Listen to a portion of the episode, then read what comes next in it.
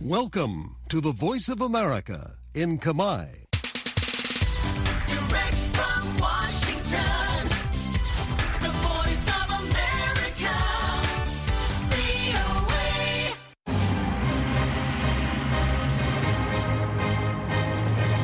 សួស្តីប្រិយមិត្តអ្នកស្ដាប់ជាទីមេត្រី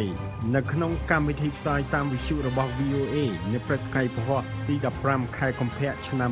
2024នេះ ខ្ញុំជឹងពូជីននិងសហការីនៃកម្មផ្សាយជាខេមរៈភាសាសូមស្វាគមន៍ប្រិយមិត្តពីរដ្ឋធានី Washington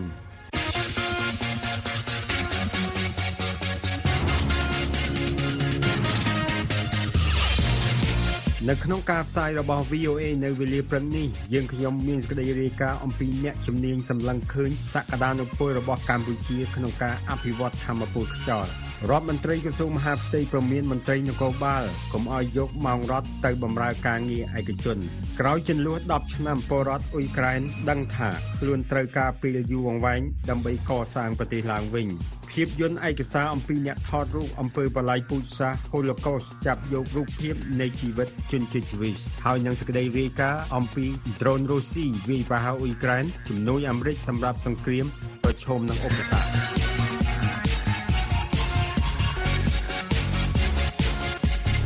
បន្ទាប់ពីការចុះកិច្ចព្រមព្រៀងគ្នារវាងក្រុមហ៊ុន Blue Cycle របស់បារាំងនិងក្រុមហ៊ុន Royal Group របស់អ្នកអង្គការគិតម៉េងដើម្បីវិនិយោគលើធម្មពលខ្យល់នាពេលខាងមុខអ្នកជំនាញលើកឡើងពីសក្តានុពលរបស់កម្ពុជាដែលអាចអភិវឌ្ឍធម្មពលស្អាតក្នុងនោះមានធម្មពលខ្យល់ជំនួសទំនប់វារីអគ្គិសនី លោកហាណូយរាយការណ៍ VOA ពីរាជធានីភ្នំពេញដូចតទៅអ្នកជំនាញមើលឃើញពីសក្តានុពលរបស់កម្ពុជានៅក្នុងការអភិវឌ្ឍគម្រោងធម្មពលខ្យល់ដែលជាប្រភេទធម្មពលស្អាតគណៈរដ្ឋាភិបាលក្រុងនឹងដំណើរការគម្រោងធម្មពលខ្យល់នៅក្នុងខេត្តមណ្ឌលគិរីនៅពេលខាងមុខកាលពីខែមករាលោកហ៊ុនម៉ាណែតបានជួបថ្នាក់ដឹកនាំរបស់ក្រុមហ៊ុន Blue Cycle របស់បារាំងហើយលោកបានលើកឡើងថាក្រុមហ៊ុននេះបានជ្រើសរើសខេត្តមណ្ឌលគិរីដើម្បីអនុវត្តគម្រោងទី1របស់ក្រុមហ៊ុនលើគម្រោងទាញយកធម្មពលខ្យល់បំលែងជាអគ្គិសនីដែលក្រុងនឹងបើកដំណើរការចាប់ពីឆ្នាំ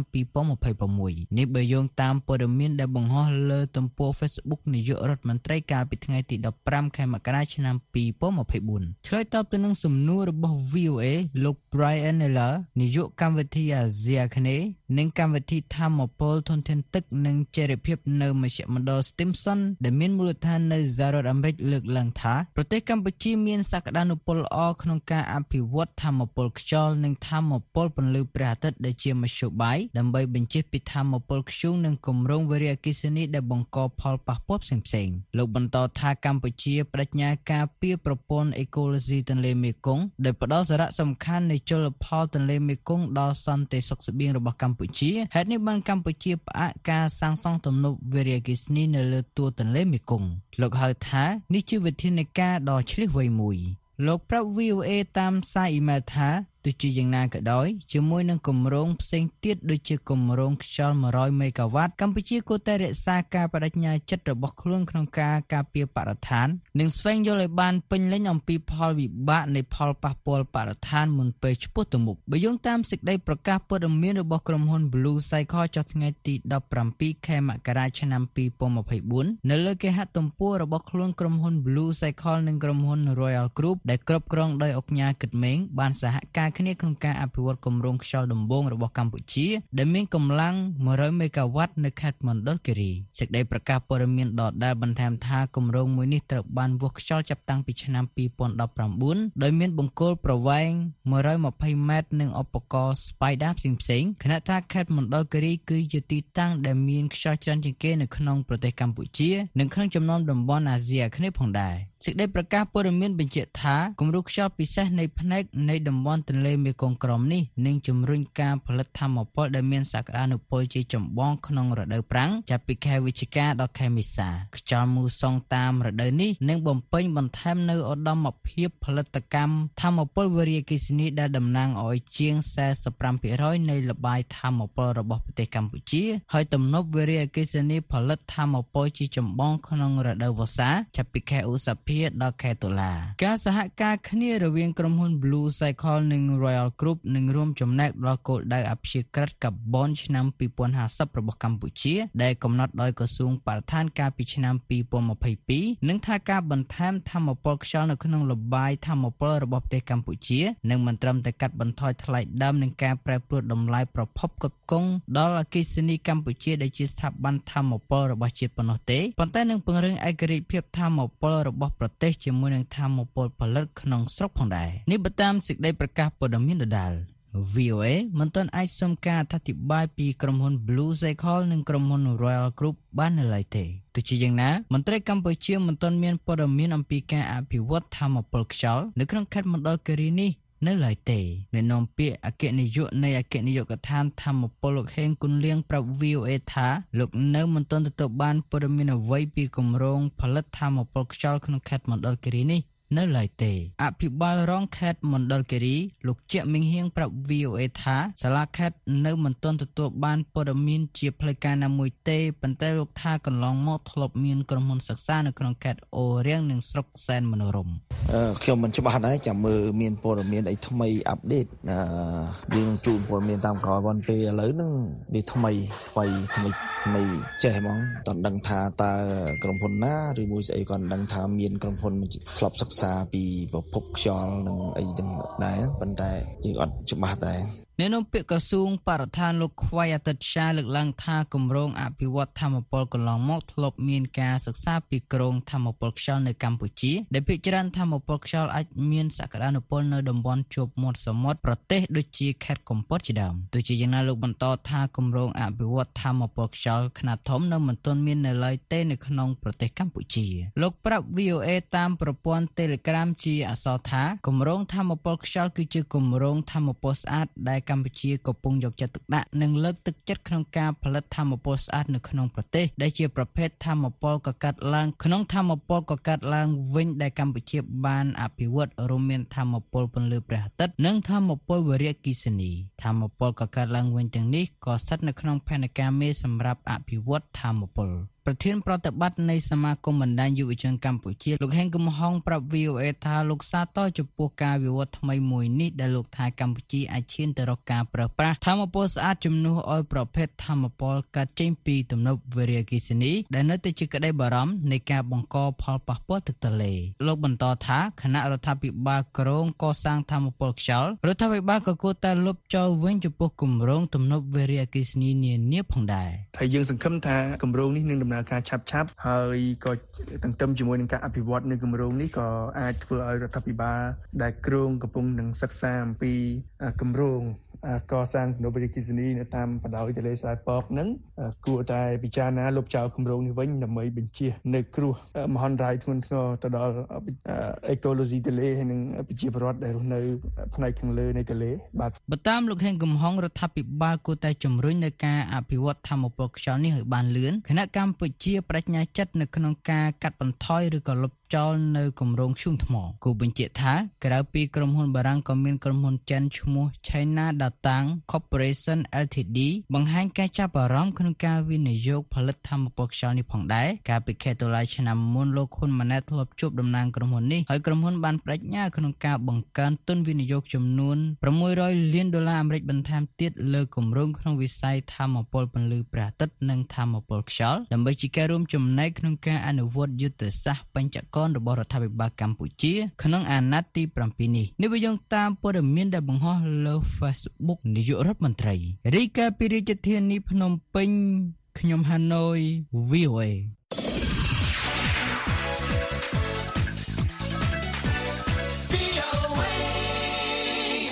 ក្រសួងមហាផ្ទៃក៏សម្គាល់ឃើញមន្ត្រីនគរបាលមួយចំនួនបានអនុវត្តទូនីតិមិនបានត្រឹមត្រូវដោយមន្ត្រីខ្លះទៅធ្វើជាអង្គរៈអ្នកបើកបររថយន្តជំនួយការនៅក្នុង ឬនៅក្រៅក្រសួងមហាផ្ទៃជាដើម រដ្ឋមន្ត្រីក្រសួងមហាផ្ទៃលោកសសុខាបានណែនាំមន្ត្រីនគរបាលអនុវត្តការងារឲ្យបានត្រឹមត្រូវនិងហាមមិនឲ្យយកម៉ោងរដ្ឋបាលទៅបម្រើការក្នុងវិស័យឯកជនឡើយ លោកលាស់លីបលីបរាយការណ៍ VOA ពីរាជធានីភ្នំពេញដូចតទៅរដ្ឋមន្ត្រីក្រសួងមហាផ្ទៃលោកសសុខាបានប្រមានមន្ត្រីនគរបាលក្រមអាវ៉ាត់ក្រសួងឲ្យបំពេញការងារតាមអង្គភាពដើមដោយត្រូវបញ្ឈប់ការធ្វើការងារខុសពីទូនាទីដើមរបស់ខ្លួនដូចជាមន្ត្រីខ្លះដែលធ្វើជាអង្គរៈអ្នកបើកបររថយន្តនិងជំនួយការនៅក្នុងឬនៅក្រៅក្រសួងមហាផ្ទៃជាដើមរដ្ឋមន្ត្រីក្រសួងមហាផ្ទៃអហាមន្ត្រីនគរបាលកុំយកមករដ្ឋបាលទៅបម្រើការងារនៅក្នុងវិស័យឯកជនផងដែរនេះបើតាមសេចក្តីជូនដំណឹងរបស់ក្រសួងមហាផ្ទៃចុះថ្ងៃទី26ខែមករាឆ្នាំ2024ដែល VOA ទើបតែទទួលបានការចេញសេចក្តីជូនដំណឹងនេះក៏ដោយសារក្រសួងមហាផ្ទៃក៏សម្គាល់ឃើញមន្ត្រីនគរបាលមួយចំនួនអនុវត្តទូនាទីមិនបានត្រឹមត្រូវ សេចក្តីជូនដំណឹងដដែលបញ្ជាក់ថាក្រសួងមហាផ្ទៃពិនិត្យឃើញថាមានថ្នាក់ដឹកនាំនិងប្រធានអង្គភិបមួយចំនួនបានស្នើសុំយកមន្ត្រីនគរបាលជាតិដោយរក្សាឈ្មោះនៅក្នុងអង្គភិបដើមពីអគ្គស្នងការដ្ឋាននគរបាលជាតិអគ្គនាយកដ្ឋាននិងអង្គភិបនានាចំណុះក្រសួងមហាផ្ទៃឲ្យមកបម្រើការងារក្នុងអង្គភិបរបស់ខ្លួនឬមកជួយការងារផ្ទាល់ខ្លួនជាអង្គរៈអ្នកបើកបរជំនួយការនៅក្នុងឬក្រៅក្រសួងមហាផ្ទៃដែលធ្វើឲ្យអង្គភិបសាមីជួបភាពលំបាកក្នុងការគ្រប់គ្រងមន្ត្រីរបស់ខ្លួនวน រដ្ឋមន្ត្រីរូបនេះថាលុះត្រាតែមានការឯកភាពពីប្រធានអង្គភិបសាមីនិងការសម្រេចរបស់រដ្ឋមន្ត្រីដោយផ្ទាល់ទើបអាចទៅបំពេញការងារទាំងអស់នោះបានជុំវិញបញ្ហានេះលោកទុយសុខាអ្នកនាំពាក្យក្រសួងមហាផ្ទៃប្រាប់ VOA បន្ថែមនៅថ្ងៃពុធនេះថាការចេញសេចក្តីជូនដំណឹងនេះគឺជាការក្រើនរំលឹកដល់មន្ត្រីនគរបាលមួយចំនួនតូចដែលអនុវត្តខុសឲ្យបញ្ឈប់សកម្មភាពទាំងនោះនឹងត្រូវងាកមកបំពេញការងារតាមអង្គភាពដើមរបស់ខ្លួនឡើងវិញដើម្បីក្រសួងមហាផ្ទៃនិងអង្គភាពនីមួយៗងាយស្រួលគ្រប់គ្រងវត្តមានមន្ត្រីនិងធានាប្រសិទ្ធភាពការងារវាមានហើយបទបញ្ញត្តិដែលបទវិន័យច្បាប់ទម្លាប់ថាมันអាចយក ម៉ោងរដ្ឋបាល ទៅធ្វើកិច្ចការងារឯកជនឬក៏យើងនៅក្នុងម៉ោងការងាររដ្ឋបាលរបស់យើងបែរជាទៅធ្វើការងារឯកជនផ្សេងមិនមកបំពេញការងាររដ្ឋឬក៏ចាត់នៃមន្ត្រីក្រមអាវ៉ាត់របស់ខ្លួនឲ្យទៅធ្វើការងារឯកជនសម្រាប់ផលប្រយោជន៍ឯកជនជាដើមនេះគឺជាការណែនាំមួយឲ្យទី1បើមានគឺបញ្ឈប់សកម្មភាពទាំងអស់ហ្នឹងហើយសម្រាប់ទៅអនាគតគឺកុំឲ្យមានសកម្មភាពទាំងអស់ហ្នឹងបន្តទៅទៀតចឹងទៅអ្នកនាំពាក្យក្រសួងមហាផ្ទៃរូបនេះបន្ថែមថាមន្ត្រីនគរបាលអាចធ្វើការក្នុងវិស័យឯកជនបានប៉ុន្តែមិនត្រូវធ្វើក្នុងម៉ោងរដ្ឋបាលការងាររដ្ឋនោះទេ ជាពិសេសកុំយកឯកសន្តានទួនាទីឬថារន្តរស័ក្តិទៅលាយឡំការងារផ្សេងលោកថាការបំពេញការងារក្រៅម៉ោងរដ្ឋបាលក៏មិនត្រូវធ្វើឲ្យប៉ះពាល់ដល់កេរ្តិ៍ឈ្មោះនិងសេចក្តីថ្លៃថ្នូររបស់អង្គភាពលោកថាក្រសួងមហាផ្ទៃនឹងពិនិត្យតាមដានការអនុវត្តការងាររបស់មន្ត្រីនគរបាលទៅតាមសេចក្តីណែនាំរបស់ក្រសួងមហាផ្ទៃបើសិនជាគាត់គឺជាអ្នកបញ្ជាគាត់អ្នកបញ្ជាចាត់តាំងឲ្យទៅតែម្ដងក្នុងម៉ោងរដ្ឋបាលប៉ុន្តែគាត់ចាត់តាំងកខកងឲ្យទៅបម្រើធ្វើអីធ្វើអីធ្វើអីដើម្បីផលប្រយោជន៍ឯកជនរបស់គាត់អានោះខុសធ្ងន់បាទខុសធ្ងន់ហ្នឹងហើយហើយប្រជុំមុខនឹងការដាក់វិន័យវិន័យកងកម្លាំងនគរបាលជាតិលេខ006នឹងដែរបើតាមលោកទុយសុខាវិន័យកងកម្លាំងនគរបាលជាតិលេខ006គឺមានទាំងការប្រមានការធ្វើកិច្ចសន្យាការដកហូតទុននទីឋានន្តរស័ក្តិនិងការបណ្ដឹងចេញពីក្របខ័ណ្ឌទៅតាមស្ថានភាពនៃករណីនីមួយនីមួយៗលោកហឹមយុននាយកប្រតិបត្តិនៃសម្ព័ន្ធដើម្បីសុចរិតភាពនិងគណនេយ្យភាពសង្គមសារតចំពោះសេចក្តីជូនដំណឹងរបស់ក្រសួងមហាផ្ទៃពាក់ព័ន្ធនឹងការអនុវត្តការងារមន្ត្រីនគរបាលនាពេលនេះលោកបន្ថែមថាដើម្បីឲ្យសេចក្តីជូនដំណឹងដែលរដ្ឋមន្ត្រីក្រសួងមហាផ្ទៃលោកសសុខាដាក់ចេញនេះមានប្រសិទ្ធភាពខ្ពស់គឺគួរតែបង្កើតគណៈកម្មការតាមដានត្រួតពិនិត្យនិងត្រូវបង្កលក្ខណៈងាយស្រួលដល់មន្ត្រីនគរបាលអាចប្រើប្រាស់សិទ្ធិប្តឹងនៅពេលខ្លះជាជនរងគ្រោះដោយសារគំនាបតាមរយៈការបញ្ជារបស់មន្ត្រីដែលមានទូនាទីធំជាងលោកបន្ថែមថាកន្លងមកក៏ឃើញមានរូបភាពដែលមន្ត្រីនគរបាលអនុវត្តទូនាទីខុសដោយទៅបម្រើការងារជាលក្ខណៈឯកជនទៅវិញដែលនេះជាការខុសឆ្គងមិនបានបម្រើផលប្រយោជន៍សង្គមជាតិមែនទែននៅមន្ត្រីទាំងអស់ហ្នឹងគឺមានសិទ្ធិក្នុងការតវ៉ាប៉ុន្តែវាគ្នាក៏ស្ថិតនៅក្រោមគំនាបក្រោមសម្ពាធអីដែរអញ្ចឹងណាហើយកាលណាអឺអញ្ចឹងគឺមានការលំបាកដល់មន្ត្រីទាំងអស់នោះលុះណាតែមានការណែនាំពីថ្នាក់ខ្ពស់បំផុតនៅក្រសួងឧទាហរណ៍រដ្ឋមន្ត្រីឬក៏មានការណែនាំពីក្រសួងអីអញ្ចឹងទៅហើយ អញ្ចឹងទៅគ្នាសំអាងទៅលើទាំងអស់នោះអាចយកលិខិតឬក៏ការណែនាំទាំងអស់ហ្នឹងទៅសំអាងដើម្បីបញ្ជាក់ថាកុំឲ្យថ្នាក់លើបន្ទាប់របស់ខ្លួនហ្នឹងយកខ្លួនទៅប្រើប្រាស់នៅក្នុងផលប្រយោជន៍បុគ្គលផលប្រយោជន៍គ្រួសារបាទតាមអ្នកនាំពាក្យក្រសួងមហាផ្ទៃលោកទុយសុខាចាប់តាំងពីខែតុលាឆ្នាំ2023រហូតមកដល់ពេលបច្ចុប្បន្ននេះក្រសួងមហាផ្ទៃបានបណ្ដេញមន្ត្រីនគរបាលប្រមាណ100នាក់ចេញពីក្របខ័ណ្ឌដោយក្នុងនោះមនុស្សជាង50នាក់ត្រូវបានរកឃើញថាពាក់ព័ន្ធនឹងការប្រើប្រាស់សារធាតុញៀនហើយអ្នកផ្សេងទៀតបានល្មើសវិន័យកងកម្លាំងលេខ006រាយការណ៍ពីរាជធានីភ្នំពេញខ្ញុំលាស់លេបលេប VOA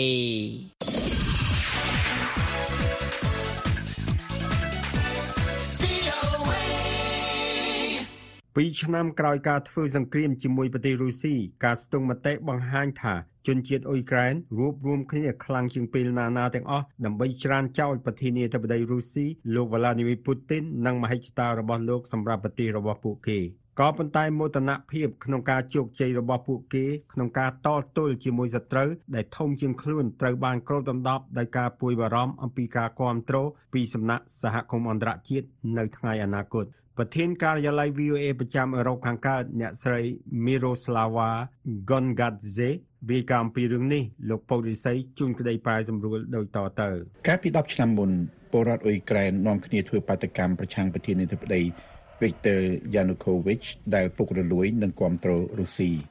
ទោះជាមានការបង្ក្រាបយ៉ាងធ្ងន់ធ្ងរបាតកម្មនៅតែបន្តហើយនាំឲ្យលោក Yanukovych រត់ទៅប្រទេសរុស្ស៊ី មិនយូរប៉ុន្មានក្រោយមករុស្ស៊ីបានឈ្លានពានអ៊ុយក្រែនភាគខាងកើតហើយបានកាន់កាប់តំបន់ Crimea ហើយនៅថ្ងៃទី24កុម្ភៈឆ្នាំ2022លោកពូទិនបានចាប់ផ្ដើមការឈ្លានពានពេញទំហឹងដើម្បីព្យាយាមយកអ៊ុយក្រែនក្នុងពេលតែ3ថ្ងៃប៉ុន្តែកងកម្លាំងអ៊ុយក្រែនតស៊ូហើយមានការគ្រប់គ្រងពីអន្តរជាតិក៏បានដណ្ដើមទឹកដីខ្លះមកវិញក្នុងសន្និដ្ឋានចូលឆ្នាំ2024ប្រធានាធិបតី Zelensky បានប្រាប់ជនជាតិអ៊ុយក្រែនថាប្រទេសពួកគេរឹងមាំជាងមុន Україна стала сильніша. អ៊ុយក្រែនខ្លាំងជាងមុនពលរដ្ឋអ៊ុយក្រែនខ្លាំងជាងមុន ពីរឆ្នាំក្រោយការឈ្លានពានរបស់រុស្ស៊ីពលរដ្ឋអ៊ុយក្រែនមិនអោនថយទេ ការស្រាវជ្រាវថ្មីមួយ របស់វិទ្យាស្ថាន NDI រកឃើញថាពលរដ្ឋអ៊ុយក្រែនមានសុទិដ្ឋិនិយមអំពីអនាគតនៃប្រទេសរបស់ពួកគេ ហើយកំពុងខំជួយធ្វើសង្គ្រាម អារម្មណ៍ទាំងនេះឆ្លុះបញ្ចាំងឲ្យឃើញនៅក្នុងចំណោមមនុស្សដែល VOA បានសម្ភាសន៍នៅតាមផ្លូវក្នុងទីក្រុងគៀវ Uh, my ch- life changed uh, a lot, uh, cardinally changed because uh, I have ជីវិតរបស់ខ្ញុំបានផ្លាស់ប្ដូរច្រើនណាស់ឥឡូវខ្ញុំជាអ្នកស្ម័គ្រចិត្តខ្ញុំមានមិត្តភ័ក្តិទាហានច្រើនណាស់ strachu nema ខ្ញុំអត់ខ្លាចអ្វីទាំងអស់ មនុស្សជាច្រើនមិនបានរំពឹងថាពលរដ្ឋអ៊ុយក្រែនឆ្លើយតបបែបនេះទេនេះបើតាមសម្ដីលោក Jeff Hen Hilbowiski ប្រធានវិទ្យាស្ថាន Frontier នៅទីក្រុងគៀវ It's the people, it's the resilience that is in the ការតស៊ូរបស់មនុស្សពិតជាធ្វើឲ្យពិភពលោកភ្ញាក់ផ្អើលហើយខ្ញុំគិតថាអ្វីដែលបច្ចេកប្រទេសមិនគិតដល់គឺថាពលរដ្ឋអ៊ុយក្រែនតាំងចិត្តហ៊ានតស៊ូនិងខ្លាំងក្លាដល់ថ្នាក់នឹងប៉ុន្តែសប្តាហ៍ថ្ងៃ ខណៈដែលអ៊ុយក្រែនមិនអាចវាយតបនឹងរុស្ស៊ីបានដោយការរំពឹងទុកនោះពលរដ្ឋអ៊ុយក្រែនកំពុងតែទទួលស្គាល់ភាពជាក់ស្ដែងជាងមុនអំពីសង្គ្រាមនេះបើតាមលោក Marcin Walewski នាយកវិទ្យាស្ថាន NDI ប្រចាំប្រទេសអ៊ុយក្រែនដែលធ្វើការស្ទង់មតិជាទៀងទាត់ ជនជាតិអ៊ុយក្រែនដឹងថានេះជាសង្គ្រាមយូរអង្វែងមួយក្នុងខែឧសភាឆ្នាំ2022ពលរដ្ឋអ៊ុយក្រែនភាគច្រើនគិតថាយ៉ាងយូរ6ខែចុះឥឡូវ43%ជឿថាសង្គ្រាមអាចបន្តយ៉ាងតិច12ខែទៀតការស្ទង់មតិបង្ហាញថាពលរដ្ឋអ៊ុយក្រែនចង់ឃើញប្រទេសរបស់ខ្លួន មានលទ្ធិប្រជាធិបតេយ្យច្រើនជាងមុនពេល NDI សួរថាតើលទ្ធិប្រជាធិបតេយ្យមានសារៈសំខាន់យ៉ាងណា សម្រាប់អ៊ុយក្រែននោះ មនុស្ស93%ថាសំខាន់ឬសំខាន់ខ្លាំង The major challenge for the country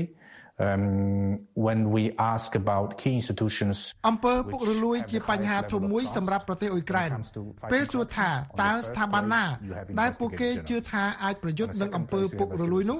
ពួកគេថាទី1គឺអ្នកកសែតផ្នែកស៊ើបអង្កេតទី2អង្គការសង្គមស៊ីវិលពលរដ្ឋអ៊ុយក្រែនចង់ឲ្យអ្នកកសែតនិងអង្គការសង្គមស៊ីវិលគ្រប់គ្រងពួកអ្នកនយោបាយ មុនការឈ្លានពានរបស់រុស្ស៊ីការស្ទង់មតិរបស់ NDI បានបង្ហាញមតិផ្សេងគ្នា របស់សាធារណជនស្ដីពីការចូលអង្គការអូតង់នៅតាមតំបន់និយាយភាសារុស្ស៊ីនៅប៉ែកខាងត្បូងនិងខាងកើតនិងកន្លែងផ្សេងទៀតក្នុងប្រទេសអ៊ុយក្រែនពីឆ្នាំក្រោយមកមនុស្សជិត90%ចង់ឲ្យប្រទេសរបស់ខ្លួន ចូលក្នុងអង្គការអូតង់ហហើយគ្រប់គ្រងសមាជិកភាពសហភាពអឺរ៉ុបកាន់តែច្រើនថែមទៀត Most of the Ukrainians realize that EU membership ពលរដ្ឋអ៊ុយក្រែនភាគច្រើនដឹងថាការចូលជាសមាជិក EU នៅអូតង់ត្រូវការពេលវេលាយូរដូច្នេះពួកគេត្រៀមខ្លួនរួចស្រេចហើយពលរដ្ឋអ៊ុយក្រែនជិត90%បារម្ភអំពីការគ្រប់គ្រងរបស់សហគមន៍លោកដែលកាន់តែចុះថយលោក Hilbervisky ថាពិភពលោកចាំបាច់ត្រូវតែយល់ថាអ៊ុយក្រែនកំពុងប្រយុទ្ធដើម្បីការពារសេចក្តីថ្លៃថ្នូរដែលបច្ចឹមប្រទេសអោបក្រសោបនោះ We hear the voices from the West uh, that it's fatigued that actually means that the Russians have យើងដឹងថាបច្ចឹមប្រទេសធុញទ្រាន់ហើយនេះមានន័យថារុស្ស៊ីមានជ័យជំនះលើបច្ចឹមប្រទេសនៅបច្ចឹមប្រទេសនេះជាបញ្ហាដែលពលរដ្ឋអ៊ុយក្រែនកំពុងតែស្រែកថារុស្ស៊ីឃើញចំណុចខ្សោយហើយពលរដ្ឋអ៊ុយក្រែនចាត់ទុកការថមថយរបស់អន្តរជាតិក្នុងការជួយគ្រប់គ្រងអំពើពុករលួយ ការបែកបាក់ផ្ទៃក្នុង និងការផ្សព្វផ្សាយព័ត៌មានមិនពិតជាការគំរាមកំហែងធំធំ ក្រៅពីការឈ្លានពានរបស់រុស្ស៊ីពីរដ្ឋធានី Washington ខ្ញុំពុយរិស័យ VOA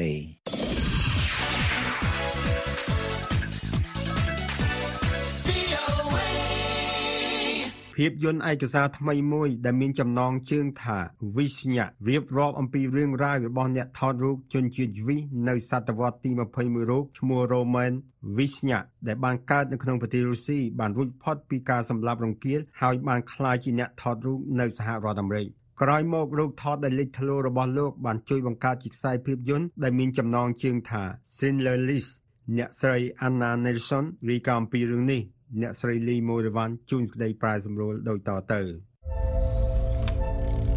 I remember many of his pictures being born ខ្ញុំចាំរូបថតរបស់គាត់ជាច្រើនដែលបានផ្តិតនៅក្នុងបន្ទប់ងងឹតដោយសារខ្ញុំមានភាពស្និទ្ធស្នាលនឹងឪពុកខ្ញុំខ្ញុំសួរគាត់អំពីមនុស្សនៅក្នុងរូបថតហើយគាត់និយាយថាទាំងនេះគឺជាប្រជាពលរដ្ឋរបស់យើង our people រឿងរ៉ាវរបស់អ្នកថតរូបជនជាតិជីវីលោក Roman Visnyak ត្រូវបានរៀបរាប់ប្រាប់ដោយកូនស្រីរបស់លោកឈ្មោះ Mara Khan Visnyak រូបថតរាប់ពាន់សន្លឹកត្រូវបានបង្ហាញជាលើកដំបូងនៅក្នុងភាពយន្តឯកសារ Visnyak លោក Visnyak កើតក្នុងគ្រួសារជីវីនៅរុស្ស៊ីសម័យស្ដេចហ្សាក្នុងឆ្នាំ1897 ពីឆ្នាំ1935ដល់ឆ្នាំ1938លោកបានធ្វើដំណើរឆ្លងកាត់អឺរ៉ុបខាងកើតនិងកណ្ដាលដើម្បីថតរូបសហគមន៍ជនជាតិជីវីដោយមិនដឹងថាជីវិតដែលលោកបានថតនឹងរលាយបាត់ក្នុងពេលឆាប់ឆាប់នោះទេ រូបថតរបស់លោកវីសញាកបានក្លាយជាឯកសារចុងក្រោយនៃជីវិតប្រចាំថ្ងៃនៅក្នុងសហគមន៍ជីវីមុនពេលការសម្លាប់រង្គាលអ្នកដឹកនាំរឿងអ្នកស្រី Laura Bayalis បាននិយាយជាមួយអ្នកស្រី Mara កូនស្រីរបស់លោកវីសញាកហើយបានកត់ត្រារឿងរ៉ាវរបស់អ្នកស្រីមុនពេលអ្នកស្រីស្លាប់នៅឆ្នាំ2018អ្នកស្រី Laura Bayalis បានថ្លែងថា He was in all the places where things were happening. He was in Moscow during the revolution and and គាត់ទៅគ្រប់ទីកន្លែងដែលមានរឿងកាត់ឡើងគាត់នៅទីក្រុងមូស្គូនៅក្នុងអំឡុងពេលបដិវត្តន៍បន្ទាប់មកបានភៀសខ្លួនទៅទីក្រុងបែកឡាំងនៅក្នុងទសវត្ស1920គាត់បាននៅសាធារណរដ្ឋវ៉ៃម៉ានៅក្នុងអំឡុងពេលពួកណាស៊ីកាន់កាប់អាល្លឺម៉ង់បន្តិចក្រោយមកព្រឹត្តិការណ៍ Kristallnacht បានកើតឡើងហើយគាត់បាននៅទីក្រុងបែកឡាំងនៅក្នុងអំឡុងពេលនោះបន្ទាប់មកទៀតគាត់បាននៅប្រទេសបារាំង ថតរូបមនុស្សដែលត្រូវបានគេដឹកជញ្ជូនចេញពីតំបន់ដែលពួកណាស៊ីកាន់កាប់នៅអឺរ៉ុបទៅកាន់ចក្រភពអង់គ្លេស ភាពយន្តឯកសារនេះរៀបរាប់ពីជីវិតរបស់លោកវីសញាកដែលបានឆ្លងកាត់ការសម្លាប់រង្គាលនៅអឺរ៉ុបនិងថាតើលោកកិច្ចផុតពីការបញ្ជូនខ្លួនទៅជំរំប្រមូលផ្ដុំដោយរបៀបណានៅខែធ្នូឆ្នាំ1940លោកនិងគ្រួសារបានចេញពីទីក្រុង Lisbon ទៅអាមេរិកនៅទីនេះលោកវីសញាកបានរួមចំណែកយ៉ាងសំខាន់ក្នុងផ្នែកវិទ្យាសាស្ត្រដោយការថតរូបពេលអ្នកថតកុនជនជាតិប៉ូឡូញលោក Janusz Kaminski ថតរឿង Schindler's List របស់លោក Steven Spielberg ឈុតជាច្រើនលោកផ្អែកលើរូបថតរបស់លោក Wisniak ព្រោះវាឆ្លុះបញ្ចាំងពីជីវិតប្រចាំថ្ងៃរបស់ជនជាតិជីវីវដែលមិនងាយរកផលិតករភាពយន្តឯកសារនិងជាប្អូនស្រីរបស់លោក Steven Spielberg គឺអ្នកស្រី Nancy Spielberg និយាយថាសារគឺច្បាស់ណាស់ថាបើមនុស្សជាតិមិនរៀនពីប្រវត្តិសាស្ត្រទេអំពើប្រល័យពូជសាសន៍នឹងកើតមានទៀតអ្នកស្រី Nancy Spielberg បានថ្លែងថា I do think that the images um speak to all of us. I think we are a visual society. We need to see it. ខ្ញុំគិតថារូបថតរបស់លោកវិស្ញៈនិយាយមកកាន់យើងទាំងអស់គ្នាយើងជាសង្គមដែលមើលទៅលើរូបមិនមែនអាននោះទេយើងត្រូវការផុសតាងអ្នករាល់គ្នាចង់បានផុសតាងដូច្នេះនេះគឺជាផុសតាងពីរបៀបដែលភាពអមនុស្សធម៌ប្រព្រឹត្តឡើងដោយជនអមនុស្សធម៌រូបថតទាំងនេះនឹងអាចជួយយើងឲ្យយល់គ្នាទៅវិញទៅមកអាចនឹងជួយឲ្យមានការអត់ឱនខ្លះហើយនឹងអាចនាំសង្គមដែលមានអរិយធម៌ត្រឡប់មកវិញភាពយន្តឯកសារដូចនេះអាចផ្លាស់ប្តូរការគិត និងជួយរំលឹកមនុស្សជារៀងរាល់ថ្ងៃអំពីព្រឹត្តិការណ៍ដ៏រន្ធត់ដែលបានកើតឡើងក្នុងប្រវត្តិសាស្ត្រភាពយន្តឯកសារវិស្ញាកកំពុងត្រូវបានចាក់បញ្ចាំងនៅក្នុងរោងភាពយន្តមួយចំនួននៅទូទាំងសហរដ្ឋអាមេរិកក្នុងរយៈពេល1ឆ្នាំនេះពីរដ្ឋធានី Washington ខ្ញុំលីម៉ូរីវ៉ាន់ VOA រុស្ស៊ីបានវាយប្រហារអ៊ុយក្រែនដោយប្រើដ្រូនជាច្រើនកាលពីព្រឹកថ្ងៃអាទិត្យ ការវាយប្រហារនេះកើតឡើងនៅពេលដែលការផ្ដល់មូលនិធិបន្ថែមរបស់សហរដ្ឋអាមេរិកសម្រាប់កិច្ចខិតខំប្រឹងប្រែងរបស់អ៊ុយក្រែនក្នុងការការពារខ្លួនប្រឆាំងនឹងប្រទេសរុស្ស៊ីប្រឈមមុខនឹងឧបសគ្គនៅក្នុងសភាសហរដ្ឋអាមេរិកដែលបែកបាក់គ្នាលោកអារ៉ាអារ៉ាបាសាឌីនៃ VOA រាយការណ៍ថាបេក្ខជននាំមុខគេសម្រាប់បេក្ខជនប្រធានាធិបតីសហរដ្ឋអាមេរិកទាំងពីរមានទស្សនៈផ្ទុយគ្នាស្រឡះស្ដីពីបញ្ហាអ៊ុយក្រែននិងអង្គការអូតង់ លោកម៉ាន់កំសែងជួនក្តីប្រាយសម្រួលដោយតទៅវីដេអូកាមេរ៉ារបស់ប៉ូលីសបង្ហាញទស្សនភាពក្រុមអ្នកជួយសង្គ្រោះមកដល់ផ្ទះឆេះក្រោយពីការវាយប្រហារដោយដ្រូនរុស្ស៊ីក្នុងទីក្រុងខាគីវ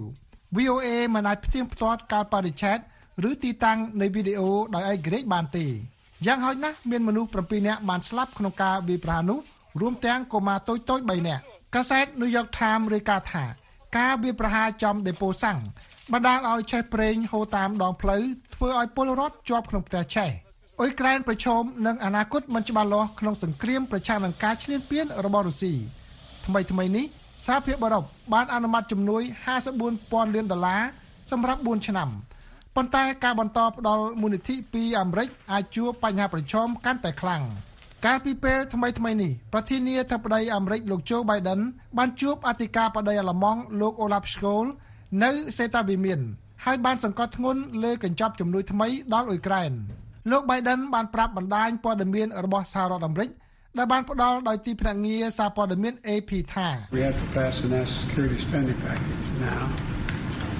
Our យើងត្រូវតែអនុម័តថវិកាសន្តិសុខជាតិឥឡូវនេះសមាជិកសភារបស់យើងកំពុងស្ទាក់ស្ទើរ ឲ្យសង្ឃឹមថាវាជារឿងនយោបាយច្រើនជាងក្នុងនោះមានមូលនិធិសម្រាប់អ៊ុយក្រែនអាចបន្តការពារខ្លួនប្រឆាំងនឹងការឈ្លានពានដ៏ឃោរឃៅរបស់រុស្ស៊ីអ៊ុយក្រែនពឹងលើជំនួយរបស់រដ្ឋជាសមាជិកអូតង់ដើម្បីការពារខ្លួនប្រឆាំងនឹងរុស្ស៊ីលោកដូណាល់ត្រាំដែលអាចជាបេក្ខភាពប្រជែងតំណែងប្រធានាធិបតីបាននិយាយថាការនៅជាប្រធានាធិបតី លោកបានប្រមានសមាជិកមួយឲ្យចំណាយប្រាក់បន្ថែមលើវិស័យការពារជាតិបើមិនអញ្ចឹងទេរុស្ស៊ីអាចធ្វើអ្វីតាមចិត្តលោកត្រាំថ្លែងនៅឯយុទ្ធនាការឃោសនានយោបាយមួយនាពេលថ្មីៗនេះនៅរដ្ឋ South Carolina ថា I came in I made a ខ្ញុំបានឡើងថ្លែងសន្និកថាហើយខ្ញុំបាននិយាយថាអស់លោកត្រូវតែបង់ប្រាក់ ប្រធានាធិបតីប្រទេសធំមួយឡើងសួរខ្ញុំថាប្រសិនបើយើងមិនបង់ប្រាក់ហើយយើងរងការវាយប្រហារដោយរុស្ស៊ីតើលោកនឹងការពារយើងទេខ្ញុំថាបើលោកខកខានមិនបង់ប្រាក់ខ្ញុំនឹងមិនការពារទេខ្ញុំថែមទាំងលើកទឹកចិត្តពួករុស្ស៊ីឲ្យធ្វើអ្វីតាមអំពើចិត្តលោកត្រូវតែបង់ប្រាក់នៅក្នុងសេចក្តីថ្លែងការណ៍មួយកាលពីថ្ងៃអាទិត្យអគ្គលេខាធិការអង្គការអូតង់លោក Jen Stoltenberg បាននិយាយថា ការលើកឡើងណាមួយដែលថាសម្ព័ន្ធមិត្តអូតង់នឹងមិនការពារគ្នាធ្វើឲ្យខូចដល់សន្តិសុខរបស់យើងទាំងអស់គ្នា រួមទាំងសហរដ្ឋអាមេរិកផងដែរពីរដ្ឋធានី Washington ខ្ញុំម៉ែនកឹមសេង VOA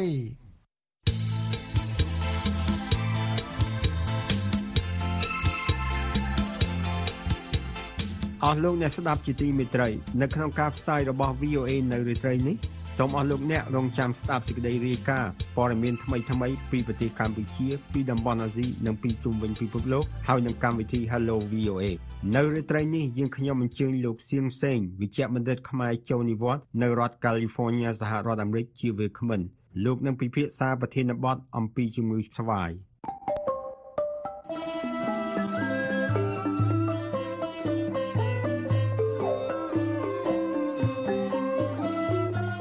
កម្មវិធីផ្សាយរបស់ VOA នៅព្រឹកនេះចប់តែត្រឹមនេះសូមអរលោកអ្នករងចាំស្ដាប់សេចសេចក្តីរាយការណ៍ព័ត៌មានជាតិនិងអន្តរជាតិរបស់ VOA នៅក្នុងការផ្សាយបន្តផ្ទាល់របស់យើងខ្ញុំនៅរាត្រីនេះទៀតពីម៉ោង8:30នាទីដល់ម៉ោង9:30នាទី តាមរលកវិទ្យុ 25m ត្រូវនឹងកម្រិត11695និង1575 kHz ឬតាមប្រព័ន្ធអ៊ីនធឺណិតដែលមានអាសយដ្ឋានខ្មែរ .voenews.com សូមអរលោកអ្នកបានប្រកបដោយសេចក្តីសុខនិងសុភមង្គលគ្រប់ប្រការអារុនសុស្ដី